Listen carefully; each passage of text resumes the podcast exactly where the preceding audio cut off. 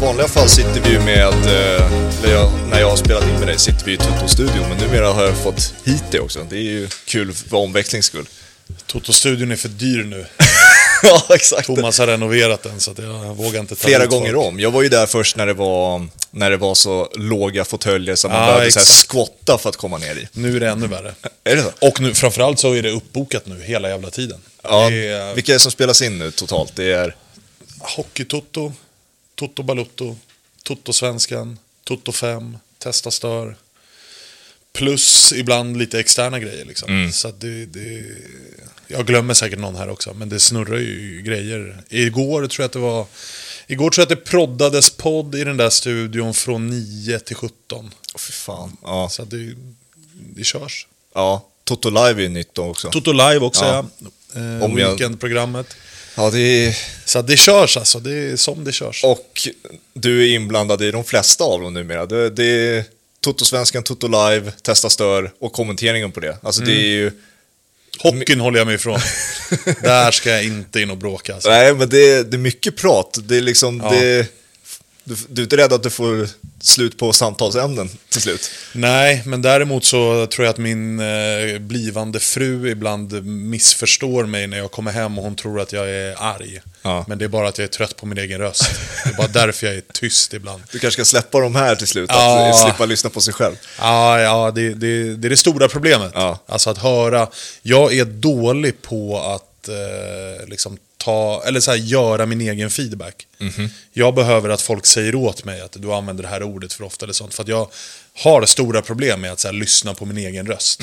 Att så här, när man ska in till TV4 och ha ett feedbackmöte om sin kommentering så Ja.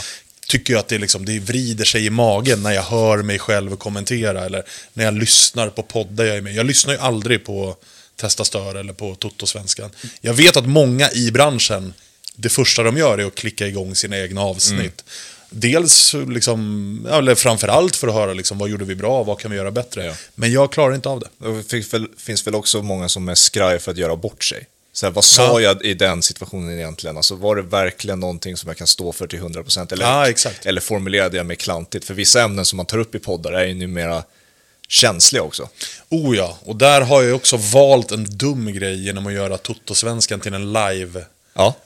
Pryl. Ja. Så att jag kan liksom inte ducka. Nej. Utan det som, det som sägs där, det är, liksom, det är bara rätt ut. Det är och det är ju ingenting- dumt egentligen. ja. Det är ingenting som har klippts bort ur Toto-svenskan, alltså, för det släpps ju offline sen också. Nej, inte vad jag vet. Alltså det som har klippts bort är ibland, ibland har vi ju tekniska strul när vi har ringt en gäst. Ja. Och det är ju jävligt tråkigt att lyssna på för de som lyssnar Mm. på det i efterhand som podd.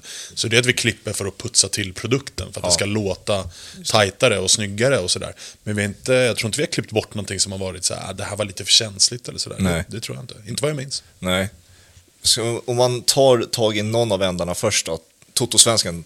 Eh, Intresserad av, för jag, jag hörde av mig direkt när pilotavsnittet kom till dig, liksom, bara, vilken jävla fräsch, ny, rolig idé. Hur föddes idén och när och hur, hur kom det till liksom, från första början?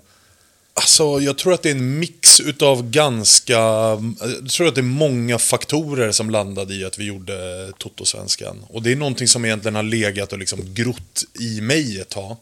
Egentligen sen...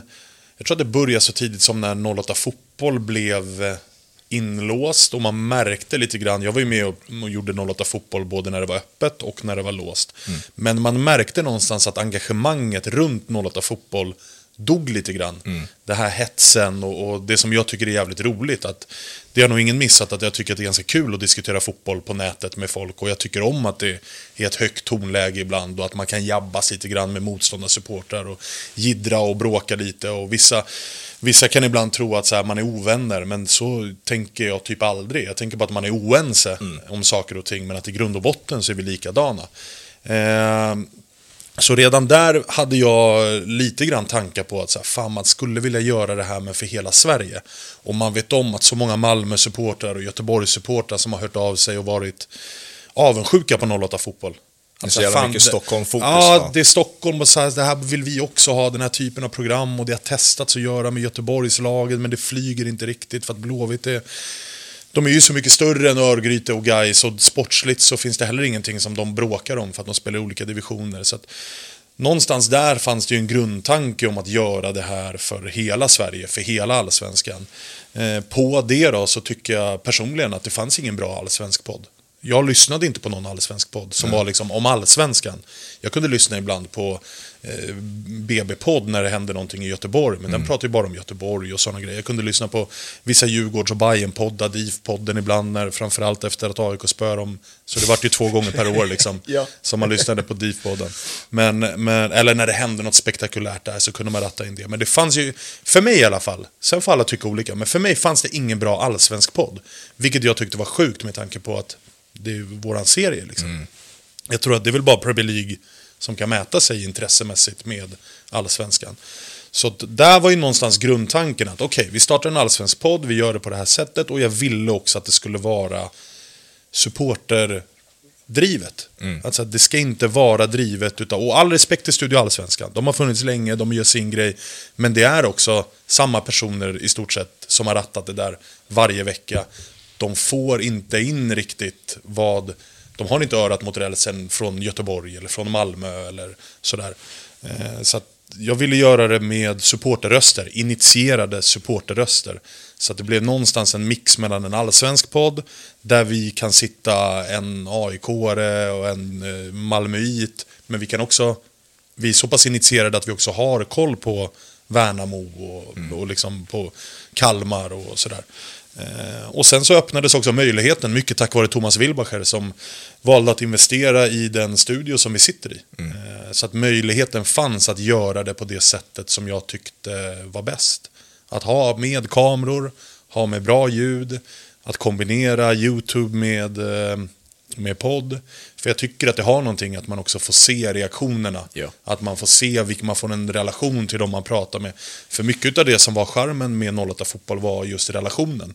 Att man liksom, man såg ju fram emot när Hoffman och Ville Bäckström skulle bifa för att man såg på dem att det fanns en jargong och man såg ansiktsuttrycken och sådär.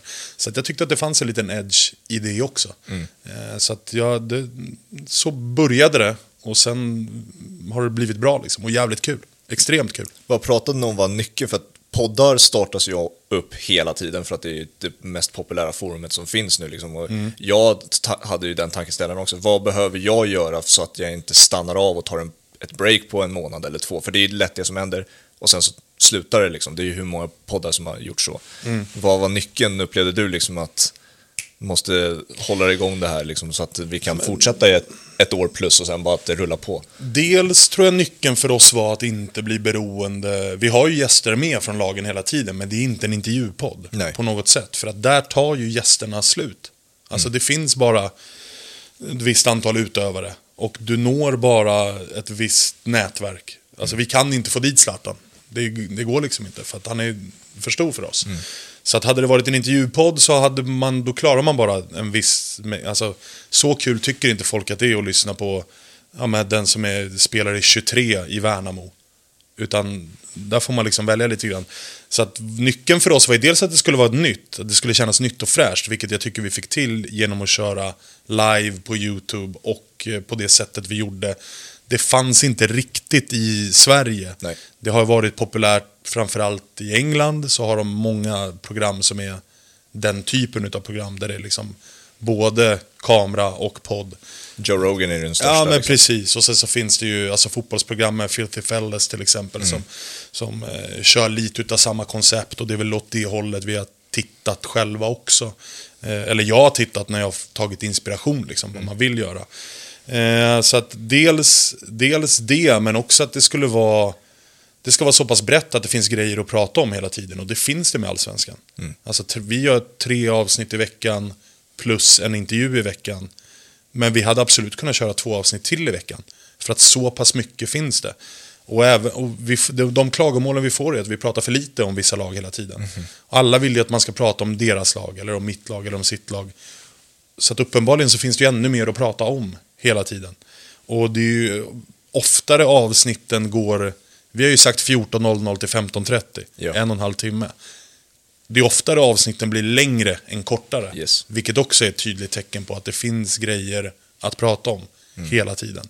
Så att det, var, det var väl det, att vi inte skulle nischa oss för mycket på liksom, att vara dri- beroende av andra personer. Utan vi ska göra det så pass bra själva att det hela tiden kommer att rulla på.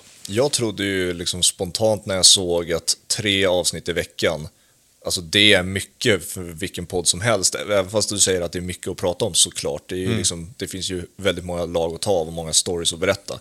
Men att intresset kanske svalnar av just eftersom att det är så otroligt mycket timmar varje vecka. Det är svårt för, må- för många att hänga med för att ja, de har inte all tid i världen för att lyssna på poddar. Var det någonting ni tänkte på så här ändå, att tre, tre avsnitt, det är fan mycket? Inte alls faktiskt. Okej. Inte alls. Och så här, jag tror, jag tror att det, det, det jag tror att så här, har fått oss att lyckas, alltså vårt framgångskoncept tror jag har varit väldigt mycket att vi har rätt personer i den där studion. Att man är intresserad, inte bara... Jag tror inte att folk slår på jättemycket för att höra en analys av Blåvitts match. Nej. Utan jag tror att folk slår på för att de vill se Jocke Hanes prata om Blåvitts match. För att han är en vass karaktär. Alltså han har sin jargong och på sitt sätt och med sin personlighet. Samma sak med Josip Ladan. Samma sak med Marcus Tapper. Så att det tror jag har varit nyckeln för oss. Att, att de personerna som är med och gör programmet är så pass starka att det blir både humor och kunskap i en jävla salig mix. Men där allsvenskan och allt som händer runt allsvenskan ligger som liksom samtals... Ja, men det ligger som grund för, för programmet. Så där var jag aldrig orolig över att det skulle bli... Jag tror inte att folk slår igång bara för att titta på att ja, men nu vill jag höra dem prata om Värnamo.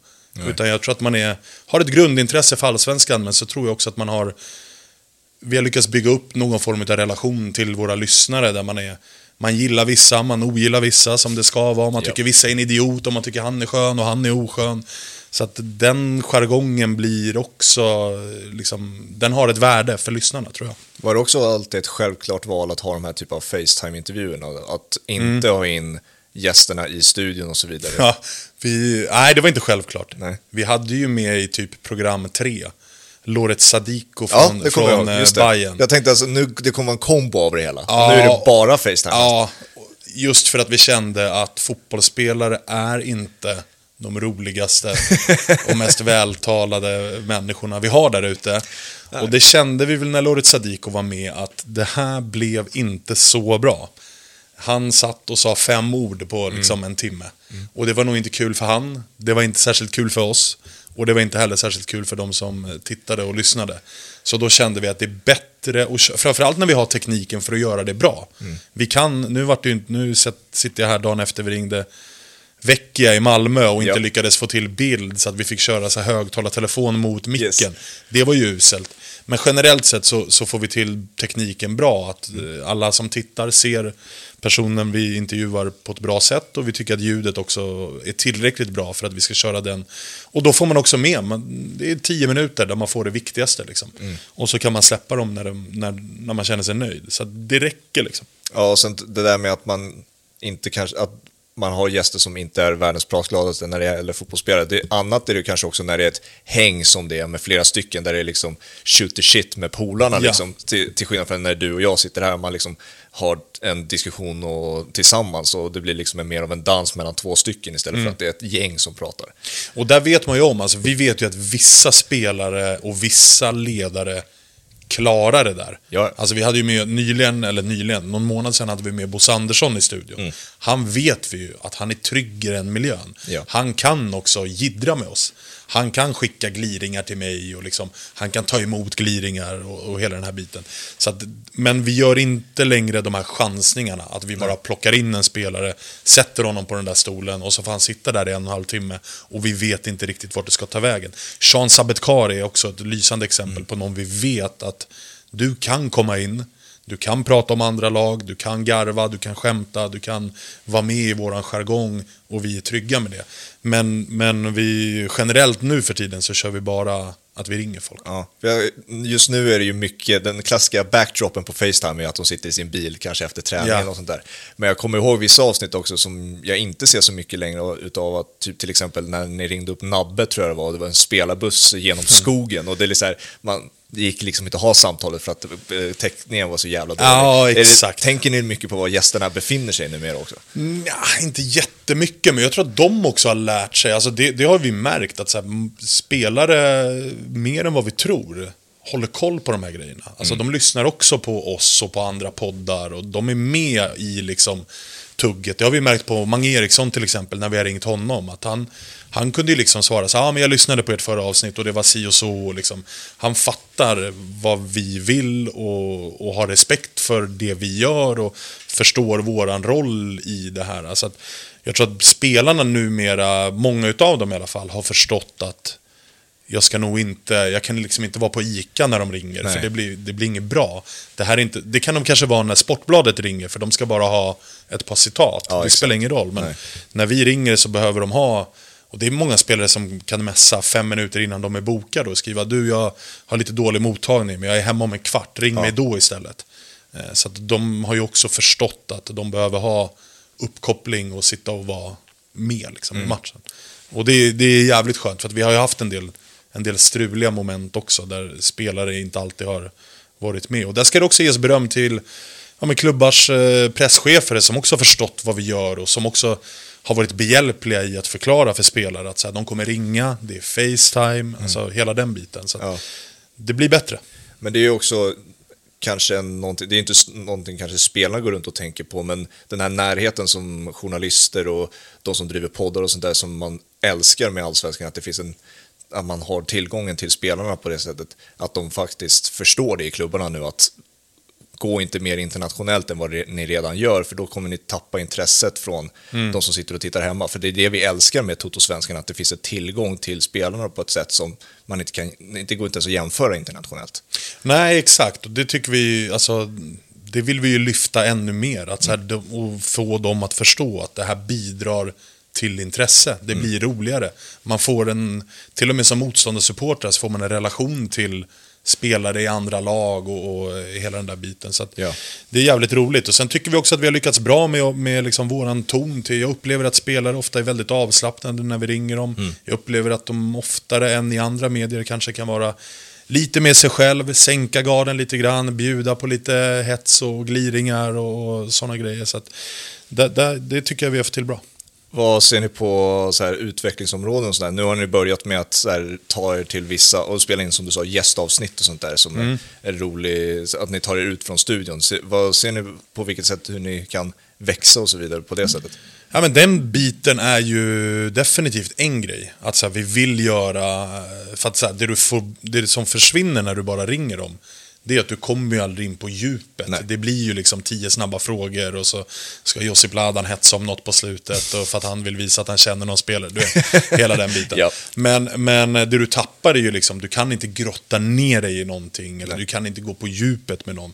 Så att det, det är därav vi introducerar, och så här, vi vill inte ta våra ordinarie avsnitt till de bitarna. Nej. För att det finns så jävla mycket att prata om i dem ändå. Så då fick vi utöka och ta söndagarna till att ha lite så här äh, söndagsintervjun alla Martin Wiklin fast på vårat sätt. Eh, Så att den biten tycker jag att vi har utvecklat bra. Vi släppte ju nyss också, och det är inget nytt, folk har gjort det tidigare, men vi ville göra det på vårt sätt med de här lagspecialerna inför säsongen. Just för att ge, och det är, det är en idé som jag och Thomas och Gusten hade inför VM i Brasilien med Tutski Balutski. Vi har egentligen bara tagit det konceptet och lyft in det i, i en allsvensk kontext. Men eh, vad man mer kan göra framåt, vi har tusen idéer. Men problemet är att vi har inte eh, tid nog. Alltså, är, vi släppte fan 40 avsnitt i mars liksom. Det, det, Ja. det, det, jobbas satan och det, Ja. det, finns, det finns idéer. Jag vill inte avslöja för mycket, Nej, för då nej. kanske någon snor det. Men, men det, det finns eh, idéer. Då kanske man växer på det sättet också de in-house, alltså att ni blir flera också. För att just nu är ni ju väldigt få till antalet sett som de som är själva kärnan av programmet. Mm. Att ni kanske tar tag i lite fler talanger där ute och växer på Ja, det sättet. Så exakt. att det Vi- finns mer att göra för andra också. Ja, vi har faktiskt alldeles nyss knutit till oss en praktikant. Vilket Okej. är liksom ett stort steg. Wow, för en podcast är det ganska kul. Ja, då känner vi, det är ju liksom för hela eh, K26. eh, Ja, okej, så ja. det är egentligen för alla fine. projekt vi gör. Men det känns någonstans som att det är så här, blev vi ett mediehus nu? Ja, nu har vi liksom en ju typ praktikant. Ja. Eh, vilket känns jävligt sjukt. Men, men eh, det, det, det är där vi är. Ja, Det är där vi är. intresseanmäler mig. Det Ja, allt. härligt. Du, du kan komma på jobbintervju. Ja, härligt. Jag vet inte riktigt hur Vem det går pratar till. jag med då då? Det vet jag inte. Det, Nej, okej. det är, vi är en spretig redaktion. Ja. Det ska jag villigt erkänna. Ja. Där det är, beslut tas ofta obekväma arbetstider och i diverse WhatsApp-grupper. Ja. Eh, Så det, det är inte svårare än så. Eh, allsvenska generellt då? Jag vet att vi, vi kommer ta upp AIK snart, så det blir lite mer mål av det hela. Men liksom, vad gör, vad gör det med det att allsvenskan är igång nu när det ändå har det positiva med Totosvenskan också? Uff, alltså, det, det är ju, här får man ju verkligen hålla två tankar i huvudet samtidigt. Mm. Jag tycker ju såklart på ett generellt plan att det är fett. Att våran serie har gått och blivit vad den har blivit. Mm. Ja. Framförallt supporterutvecklingsmässigt, där det verkligen har hänt någonting de senaste två åren. Där jag lyfter på min hatt till lag som Mjällby och Ja, Sirius verkligen. och Halmstad. Alltså att det händer grejer, att de visar att även våra klubbar är relevanta på läktaren. Mm. Det, är, det är mäktigt att se att även en liten verklighet är en verklighet för de, den typen av klubbar. Sirius har ju fått jävligt mycket beröm de senaste åren. Mm. Med all rätt, uppsvinget av studenterna och hela den biten. Mjällby har tagit jättestora steg bara senaste året. Sociala medier är de ju briljanta, det ska Ja, man inte exakt, ignorera exakt. heller. Det ska man absolut inte ignorera. Även om de har fått lite hybris, ska sägas. Gått på lite, lite myten om sig själva. Allting är Men- inte perfekt, men nej. vissa saker är väldigt bra. Ja, verkligen. verkligen. Det, det håller jag med om. Men eh, så att supportermässigt så är det ju, då är det ju mäktigt att det är igång igen. Ja. Sen går det ju inte för mig att sudda ut eh, liksom, det som förtar min glädje och det är ju min egen jävla klubb. Ja. Som liksom ska sätta, slå krokben på sig själva återigen. Eh, och är ju mästare på finns ju ingen klubb som är lika vass i kategorin att just sätta krokben för sig själva. Att döda en hype. Alltså vi har ju varit med om det tusen gånger där någonstans eh, liksom Friends-premiären mot Syrianska är det tydligaste tecknet. Men sen finns det ju hundra andra där det är liksom, nu kommer vi 45 000, vi möter lilla Syrianska på hemmaplan i vår nya jävla borg. Alltså gud vet vart AIK hade varit om vi vann med 4-0 i den. Ja, nu var det 0-0 va? Ja, 0-0. Ja, jag var på den också. Ja, 0-0. Och jag menar GIF Sundsvall 2018 hemma 50 000 sista matchen. Vinn bara det där jävla guldet. Visst, det blev ju bra ändå. Det löste sig. Och det gör det ju ofta med AIK. Mm. Alltså det löser ju sig ofta. Vi är ju också skickliga på att rida ut en storm och komma ut levande på andra sidan. Men vi är ju sämst i klassen på att utnyttja momentum. Ja. På att liksom, när hybrismätaren är i taket, då är vi så bra på att själva vara de som punkterar ballongen. Ja. Och det, det, det... Ja, jag vet inte. Man borde forska i ämnet. På, på jag har ingen sätt? svar. Alltså, jag, hur blir det så? Nej, vi, vi publicerar det här veckan alltså efter Norrköpingsmatchen har spelats, Ja. så det kan ju vara lite mer positivt i Jo, i men alltså luften, jag sa liksom, det men- till Marcus Tapper, för att han var så här, fan vilket bra läge det är för oss att möta AIK. Han håller ju på IFK Norrköping. Och då sa jag, du förstår ju ingenting. Det här är ju det absolut värsta läget att Yes. möta AIK. Ja. När det blåser som allra mest, då är det sista du vill göra, är att möta AIK. Så att, för att vi är ju också, som jag sa, vi är bäst i klassen på att när det blåser, sluta leden, gå ut och stå för en jävla, eller inte en monsterprestation, men att vinna med 1-0 Yes. och bara så här, puh, nu pustar vi ut, nu går vi vidare, nu vänder vi blad och så kör vi på. Och så radar vi väl upp fyra raka 1-0-segrar på det här. Så det, det, är liksom, det är så det brukar se ut. Har ditt allsvenska tips ändrats något trots eh, ja, det som hände mot alltså, Halmstad? Jag vet inte ens om jag har ett allsvenskt tips alltså. Nej, Nej, det, alltså det brukar jag, ju alla Ja, jag liksom. vet. Och det är väl det som får mig att sticka ut. Att jag, nej, jag vet inte. Jag har sagt att det... Jag, har- jag har ju sagt att Malmö inte vinner. Där har jag varit tydlig med Mm. att det kommer inte ske. Eh, och sen så gick det ju inte. Alltså, jag ändrade väl någonstans då mitt allsvenska tips i, efter semifinalerna. Mhm. Då jag någonstans bara insåg att Häcken är ju för bra. Mm. De är ju för bra på fotboll. Ja. Och det är ju någonstans det det går ut på. Så att det, det blir väl de som vinner. Och sen så är jag helt övertygad om att AIK kommer att vara topp 5. Om de blir tvåa eller om de blir femma, det återstår att se. Yes. Det är så pass jävla små marginaler så att det, det är liksom... Ja, men jag, jag, är rätt, jag är rätt trygg i att AIK har Brännan som tränare. Och att truppen är, den är inte toppklass, men den är tillräckligt bra för att det ska finnas 11 lag som är sämre. Jag hade ju Jonas här också på tal om Häcken och tippning. Han ville ju sticka ut, precis som jag tror någon annan i Toto sa sexa på Häcken, sa Jonas Dahlqvist sjua. Ja, Så den att är- de, de, vill den ju, är- de vill ju sticka ut eh, där i Kämpa, början. Ja, kämpa Jonas och kämpa Freddy, Just som det, var den så som var hade. Häcken som sexa. Men du var väl inne på det också, att det är väl ganska... eh, Det laget som om man vill täcka sin rygg eh, och inte få så många fans på Exakt. sig så är det Häcken i alla fall. Det är ju en eh, smart men feg, eh, liksom ett, ett smart och fegt sätt att sticka ut hakan på. Ja, det är väl Djurgården liksom om man vill trycka Det- till. Liksom. Exakt, Det är sätt då- Djurgården som sexa då, Se vad som ifall ni händer. vågar. hade de aldrig gjort. Ja, ska vi ta AIK lite då? Eh, vet inte riktigt var man ska börja. Likt det du har sagt nu ungefär en vecka, jag vet inte var jag ska börja någonstans. Eh, det var jävligt deppigt i Toto eh, senast jag lyssnade. Det, Mm. Det var deppigt i te- senaste Testa Stör. Du ska iväg sen efter det här och spela in Ja. Testa Stör. Ja. Så eh, jag, jag ger dig ordet, liksom. var, var, vart vill du börja? Nej men alltså egentligen så här, och det har ju blivit en, en, ett miss, eller så här, och det ligger väl på mig att det blir ett missförstånd bland AIK-supportrar. Men för mig började det här i somras. Alltså när shit hit the fan med Bartos. Att så här, okej, Jordan har dragit, John är inte klar, nu kommer våran spelidé och vår trupp att sättas på prov. Och det blev tydligt att Bartos inte riktigt liksom kunde walk the walk på sättet som han talk the talk. Liksom. Det, det, blev, det blev inget bra. Han körde slut på de bärande spelarna, det roterades inte när det skulle roteras, spelidén hade sina brister och man valde till slut att sparka Bartos, vilket jag inte har några större problem med. Därefter så hade ju vi i Testa Stör en ganska lång diskussion i ett par veckor att nu behöver AIK som klubb bestämma sig gällande den sportsliga ledningen. Tycker man att Henrik Jurelius är rätt man för att leda truppbygget, då ska han få vara kvar.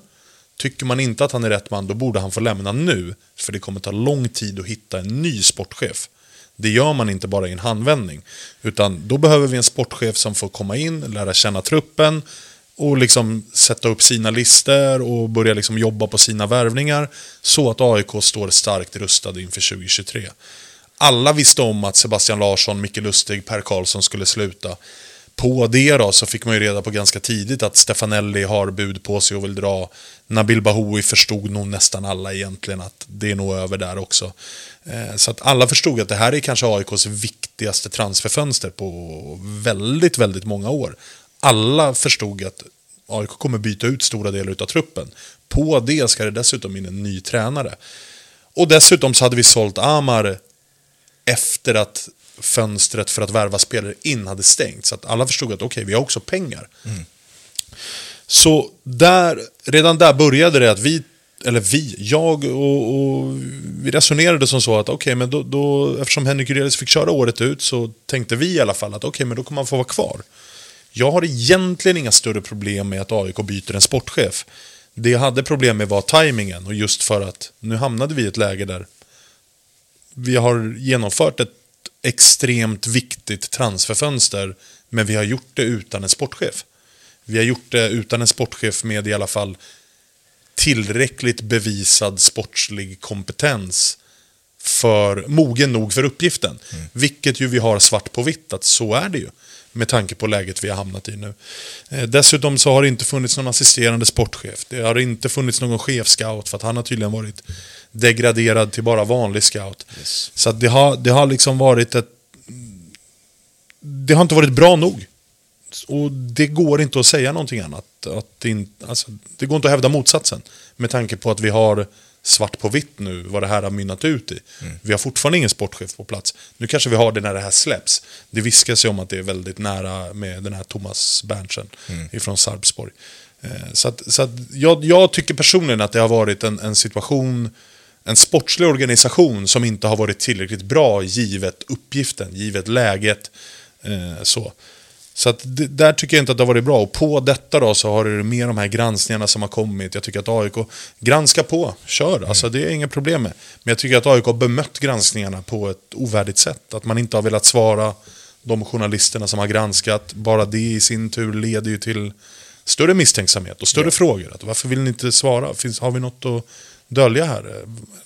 Liksom, har man inget att dölja, då står man ju där rakryggat och svarar på frågorna. Så det finns väldigt mycket som har varit eh, de senaste två, tre veckorna som jag tycker har varit jobbigt och som har bidragit till att min egen hype och engagemang har liksom sänkts. För att man känner sig matt och less och man blir så här, vad fan är, vad pysslar vi med här egentligen? Mm. Så det, och det kulminerade ju nu när AIK satte sig i sin egen kanal och valde att svara på frågorna på det sättet, vilket jag också har åsikter om och tycker är dåligt skött. Yes. Och att dagen efter så väljer Manuel fullt förståeligt att ta tjänstledigt. Och jag hoppas genuint att han kommer tillbaks.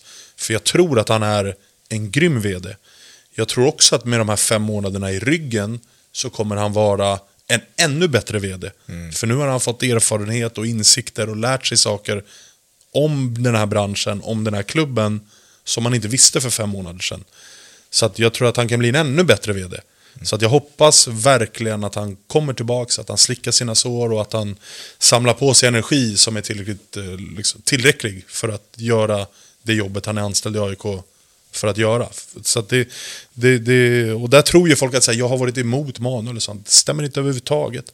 Absolut inte, tvärtom. Mm. Jättebra relation med Manuel och. Så, så det, det, det, har varit, eh, det har varit uh, tuffa dagar, yes. veckor. Mm. Det var genomgången, nu ska vi försöka... Sålla ut. Ja. uh, ska vi börja där du slutade med Manuel då? Med hans, du, du uppskattade hans öppna brev såg jag. Uh, vad, ja, jag tycker vad... jag var ärligt, kändes genuint och, och bra. Ja, och, liksom, Ja, men han var inne på det många gånger i eh, intervjun han gjorde på AIK Plus också. Att han var så här, jag räcker upp handen. Att så här, det, var, det här var... Och det är också, det är en jävla styrka att göra det. Det yes. finns ju ett sätt, det naturliga sättet är ju att försvara sig. Och liksom stå på sig och stå pall. Framförallt kanske om man har haft Manuels retorik. Alltså den retoriken som yes. i början av fönstret var jag är arbetsnarkoman, jag är galen, jag jobbar hur mycket som helst och jag ringer alla. Alltså den liksom ganska liksom det var många aik jag inkluderat ibland, som tyckte att så här, fan vad befriande mm. med någon som går ut och liksom är lite Bosse Andersson, om ni fattar vad jag menar. Ja. Att han är ute och i media och svingar och AIK ska till toppen och liksom pampigt och hela den biten. Men för en sån person tror jag att det är ännu svårare att fem månader senare säga Fan vet ni vad, det här var för tufft alltså. Yes. Det kräver styrka och mod att göra det. Och för det så, det hedrar honom att han vågar säga att jag behöver ett break, jag behöver andas. Mm. Så, att det, det, så det, det, jag tycker öppna brevet var bra. Ja, Jättebra. och det är väl liksom att den retoriken han använt, alltså den finns en kaxighet som då helt enkelt måste backas upp, som kanske inte gör det nu i efterhand. Och därav så, även de som inte har koll på AIK och faktiskt har gjort sin, så här, kollat upp vem Manuel faktiskt är, då får man kanske bilden av att det här, alltså det var det var för mycket, det var för kaxigt och så kunde han inte backa upp det och därav lämnade han. Alltså man ja. gör, sin, gör, inte sin ordentliga research i det. Nej, så är det ju. Och där har ju jag också, alltså vissa menar ju att de som allra elakast mot mig menar ju att jag har bidragit till att Manuel har behövt ta ett break. Ja, de kallade, vilket, kallade det drev. Har ja, exakt. Och det, det, jag köper inte det för fem öre. Då, då, har man missat liksom vad min uppgift är. Mm. Min uppgift är att prata om allt som händer inom AIK fotboll om en ordförande eller en sportchef går ut öppet i media och liksom kaxigt säger att jag har ringt Simone Satsa, då är det min uppgift att liksom tycka saker om det. Såklart. Och det, jag tycker att så här, han, är, han är lite svajare om att liksom, jag ska över hyllan och jag ska göra allsvenskan sexig och lite raljant och lite så här, ska vara läckra laxen. Mm.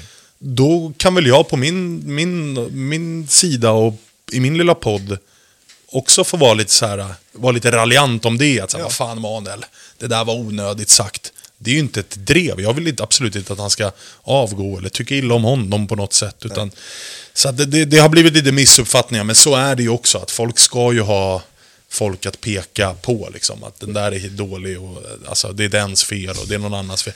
Det får man liksom ta bara. Det, det, så är det. Men jag tror att, jag tycker att det där var bra. Mm. Alltså, men det, inte bra. det är ju det med Testa Stör nu, liksom att ni har ju skapat det forumet för er själva också. Att det finns så otroligt mycket tyckare inom fotboll generellt, men det är AIK kanske finns det extra starka tyckare och sen med det också forumet med Testa Stör att ni lägger ut det ni tycker och motståndet blir så enormt på sociala medier vissa gånger. Det är ju liksom det ni har, den, det mönstret tycker jag ser ganska regelbundet genom säsongerna numera. Ja, och det har ju också att göra med att, eh, och det här kanske är, eh, det kommer väl säkert supportrar till andra lag att reagera på. Men jag tycker genuint att AIK har den mest utbildade fotbollspubliken. Och det har också med saker att göra, och det tycker jag är bra. Alltså, hade vi bara tyckt saker och alla aik som lyssnar bara sväljer det vi tycker, det blir inte heller bra. Nej. Utan det ska vara friktion och man ska tycka olika. Man behöver absolut inte hålla med oss och man kan, och man kan hålla med oss om man vill. Men, men alla har sina åsikter och jag tycker att så här, inom AIK som klubb, att supporter, liksom, rörelsen inom AIK är väldigt bildad. Sen kan det absolut bli läger. Att vissa tycker att vi är helt dumma i huvudet och vissa tycker att vi är grymma. Men så får det vara. Alltså, Ja. det, det, det tycker jag tillhör. Mm. Och så det du var inne på innan Manuel var det där med röda tråden som kanske saknas i klubben ganska rakt igenom egentligen. Vad bör man så här angripa det först? I vilken ände i, i så fall? Liksom? För att det finns ju nästan ingen klubb vad jag kan komma på där det saknas en röd tråd som gör det bra på spelar, spelplan. Liksom. Alltså det där är ju någonstans million dollar question för AIK just nu. Att det, det uh, vad fan ska man börja? Alltså det är det mantrat jag upprepat i ett par, ett par sammanhang just nu. Att jag vet inte. Nej. Alltså, jag vet inte, men det jag vet är just nu så står vi utan sportchef, vi står utan scoutchef, vi står med en VD som har tagit tjänstledigt. Alltså, där står vi just nu, så att vi kan väl börja med att sätta den organisationen. Vi kan börja med att sätta, att rita upp liksom så här, det här är arbetsbeskrivning och arbetsroller och ansvarsområden för respektive roll det vore en bra start. För att jag tror alltså så här, mycket i, i det som är kurrigt just nu runt AIK, mycket utav det tror jag kommer lösa sig och jag tror att alla supportar. någonstans så känns det som att alla bara går och väntar på att när blir sportchefen klar? Mm. Det är det som har varit liksom, den frågan har ju ställts till både Fredrik Söderberg och Manuel Lindberg och Robert Falk och allihopa i flera veckors tid, månader. Ja. Hur går det med sportchef? Hur går det med sportchef? Så att det känns som att det är någonstans, där börjar du, i den änden. Sätt en sportchef på plats. Svårt att missa också vad kanske fansen tycker också. Det har ju funnits nu otroligt mycket på sociala medier också, bara rakt igenom trådar av frågor, vad, vad Ja. det faktiskt är som händer. Vad, kan vi få svar på åtminstone den här frågan Mm. och sånt där. Eh, Så att det känns ju svårt att missa numera vart man bör börja. Sen ska man ju inte ta allt för vad fansen säger, man måste ju kunna driva det professionellt också. Ja. Men eh, som du säger, AIK-supportrarna har ju koll. Liksom. Ja, alltså, och tvingats ha koll. Ja. För att det har ju också varit en klubb där det genom åren har varit tveksamma saker som har hänt. Och bryr man sig tillräckligt mycket, som jag och väldigt många andra gör, då sätter man sig ju in i de här frågorna. Och jag menar, det finns ju kontaktuppgifter till alla AIK. Det är bara att dra iväg ett mejl och fråga och så får man allt som oftast ett svar. Och det finns ett kansli att gå till, eller ett kontor då, och knacka på och fråga om man får ta en kaffe med någon och, om man har frågor också. Så att, och det upplever jag att väldigt många AIK gör, att det, det, det finns ett engagemang och liksom ett behov av svar inom AIK som jag inte upplever på, på andra ställen. På gott och ont. För att jag håller med vissa som tycker att så här, låt dem arbeta i lugn och ro. Ja.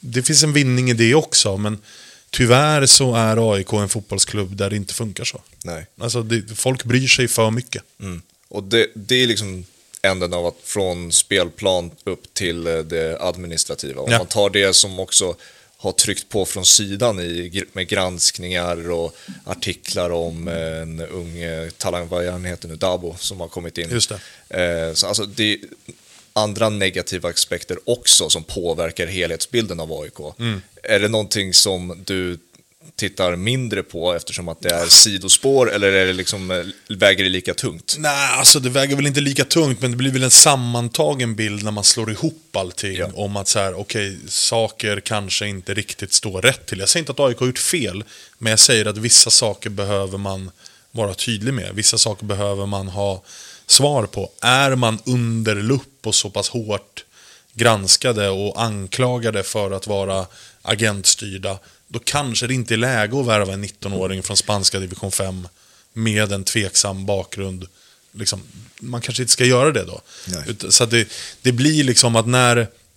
hade det varit en granskning, det hade varit ganska lätt att bara sopa den under mattan. Men när det kommer nya grejer hela tiden, då är det egentligen inte... Det finns liksom inte en grej som man känner att så här, den här frågan måste jag ha svar på. Utan det är snarare när man slår ihop alltihopa så blir den sammantagna bilden att något är inte, alltså ingen rök utan eld. Liksom. Nej, exakt. Någonting står inte riktigt rätt till. Och det har säkert att göra med att under, vi under det senaste halvåret har haft en, en organisation som inte har liksom varit tillräcklig. I och med att det har saknats uppenbarligen roller. Mm. Liksom, sportchef den allra tydligaste, men också chefscout, assisterande sportchef. Sånt som vi hade i AIK för tre, fyra, fem år sedan. Då jag upplevde att problematiken inte var lika stor. Nej. Så att det har väl varit för mycket att göra på för få människor. Vilket kanske har lett till det här. Ja, men det är väl också att det har exploderat så otroligt snabbt. För att eh, när, när om man tittar tillbaka, liksom, när kunde man faktiskt förutse att just den här typen av explosion skulle ske? Du säger i somras kunde man liksom ana att det, men alltså ta för en starten av förra säsongen, kunde man någonsin se att det skulle bli så här extremt som det blev? Nej, men å andra sidan så har man ju lärt känna AIK och vet att nästa storm är bara runt nästa hörn. Alltså de kommer ju och går titt som tätt. Så, så är det ju hela tiden. Och ibland så kan det ju vara en ministorm, alltså att en tränare blir sparkad. Det, det är inte särskilt dramatiskt i sig. Tränare blir sparkade från sina jobb hela tiden. I både AIK och i fotbollsvärlden. Så att, jag menar, men när det väl sker så blir det ju extremt stort. Ja. Men när man zoomar ut lite grann och det hinner gå någon månad eller två så är det ju inte värsta grejen. Och jag hoppas att vi kommer kunna se tillbaka på den här stormen som någonting som gjorde AIK starkare. Någonting som gjorde AIK bättre. Och att AIK tar med sig läxor som man har lärt sig någonting utav. Eh, sen om så här, återigen, jag säger inte att AIK har gjort, jag säger inte att AIK har gjort fel. Men jag säger att så här, det är lite för mycket frågetecken, Ja. rörigheter och grejer som stör. Vi, så det, det, ja, det gör att man blir lite matt också. Att man blir så här, åh, Spelmässigt kan det ju dock, så här, motgångar kan ju också förena en grupp. Oh ja, Och oh det ja. är någonting man kanske ska titta på och faktiskt kan se ett praktexempel på den här säsongen med spelartruppen där man har otroligt mycket profiler också. Att fan skit i allt oljud utanför den här eh, planen nu. Nu förenar vi oss och så gör vi, satsar vi enbart på säsongen så skiter vi i allt annat. Liksom. Ja, och det är den, det- den möjligheten finns ju. Det är det jag hoppas och tror och är rätt säker på att eh, Brännan och gänget trycker på just nu. Alltså inför Norrköping hemma. Det är bussmottagning. Det kommer vara ja, men uppemot 40 000 på plats på, eh, på Friends. Liksom. Nu skiter vi i allt brus.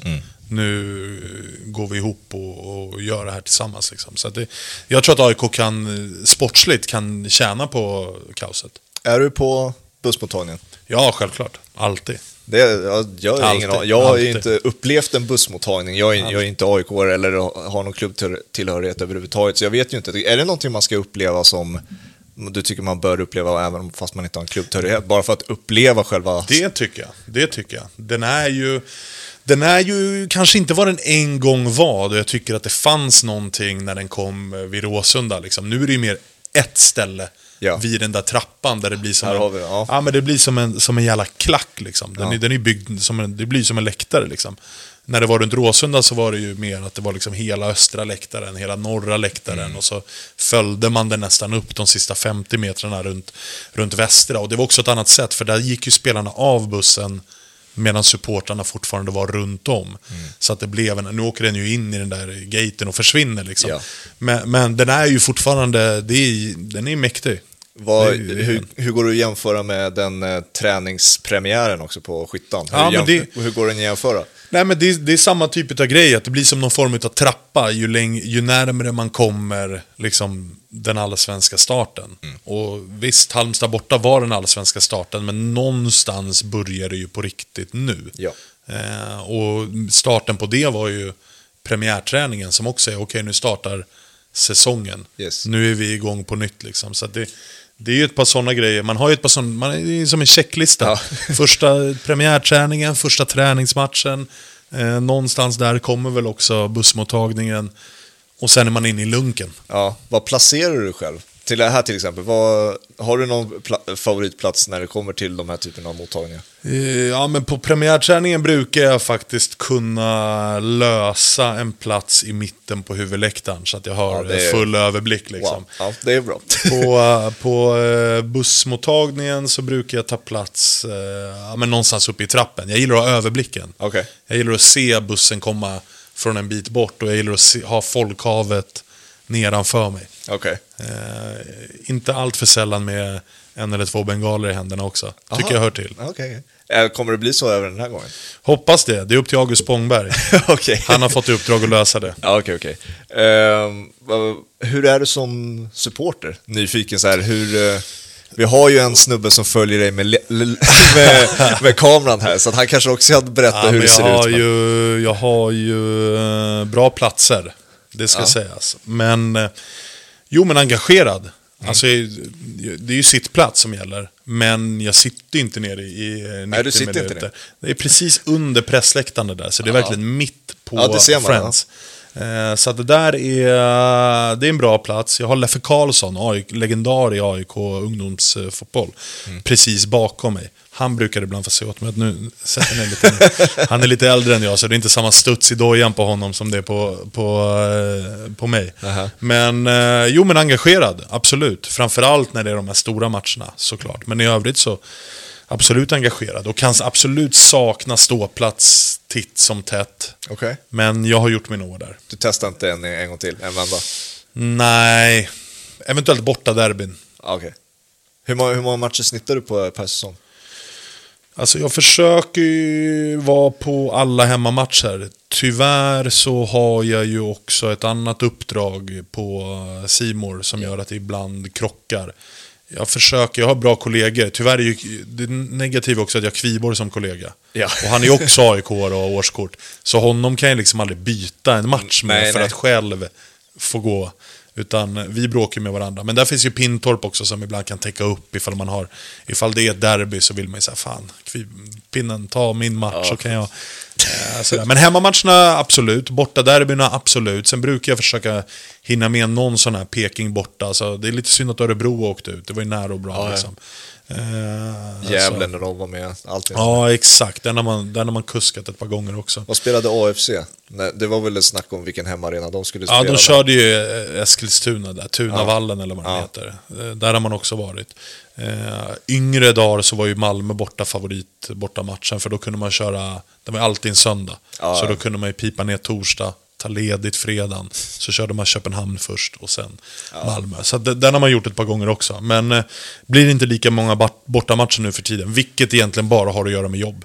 Alltså jag kommenterar två eller tre matcher per helg. Yes. Det blir svårt att sitta och kuska Kalmar liksom sex timmar med bil.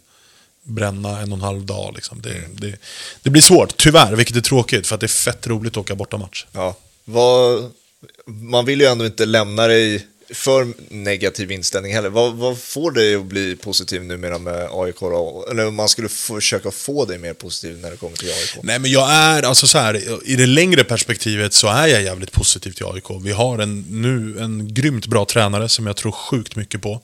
Vi har en akademi som är otrolig. Vi är ruskigt bra på att eh, liksom, få fram talanger. Alltså, det såg vi mot Halmstad nu. Det största glädjeämnet var Fesaje, som var eh, grym.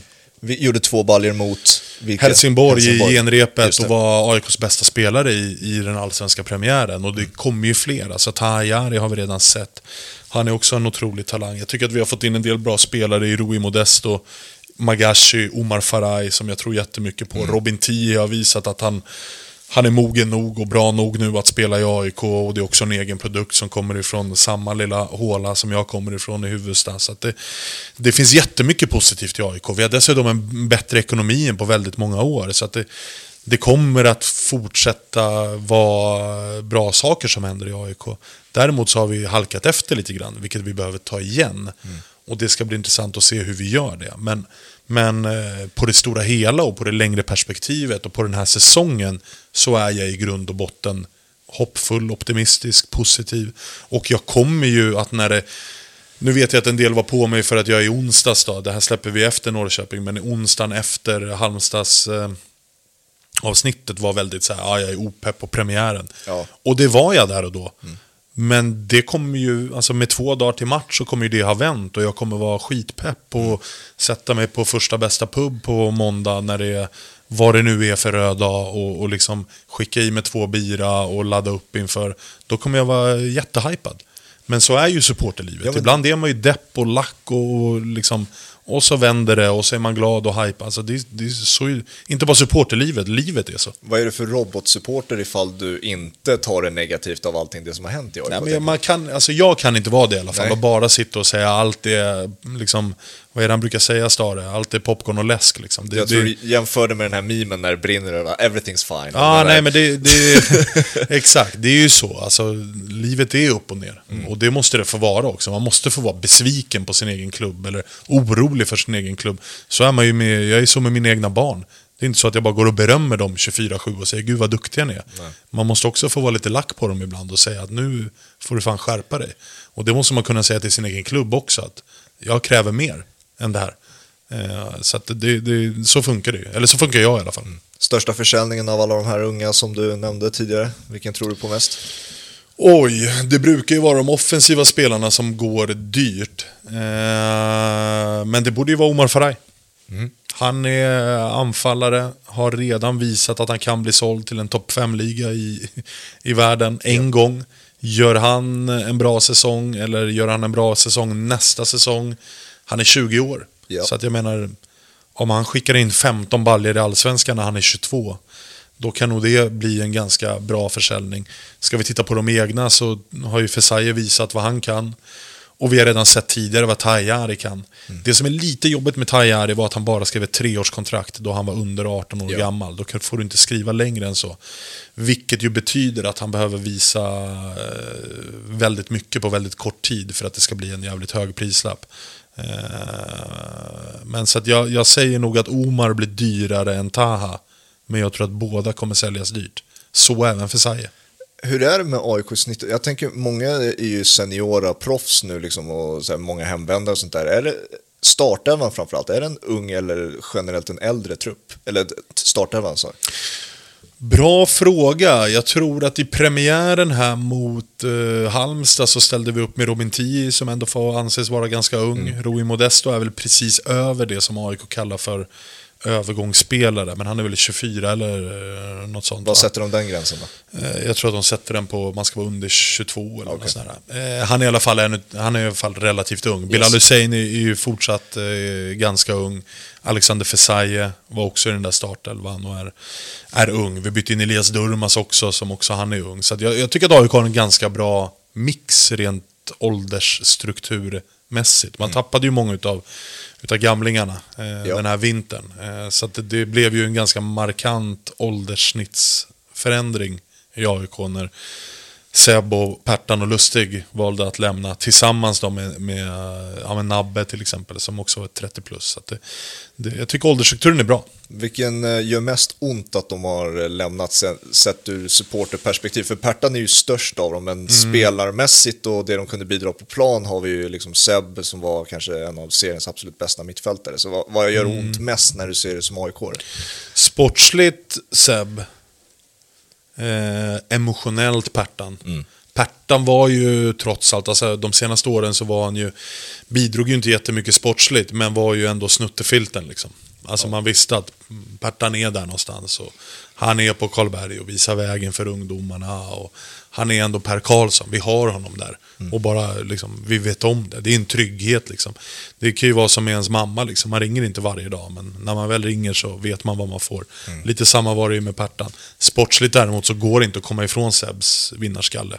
Alltså attityden, lägsta nivån, eh, kanske tappade lite utav foten eh, på slutet. Tycker du? Ja, det var lite- den som var höll, höll tyckte jag. Nej, jag tyckte skallen var det som höll allra längst. Alltså Ja. sura jävla Seb som bara sprang runt och sparkade ner folk och var lack på domaren hela jävla tiden.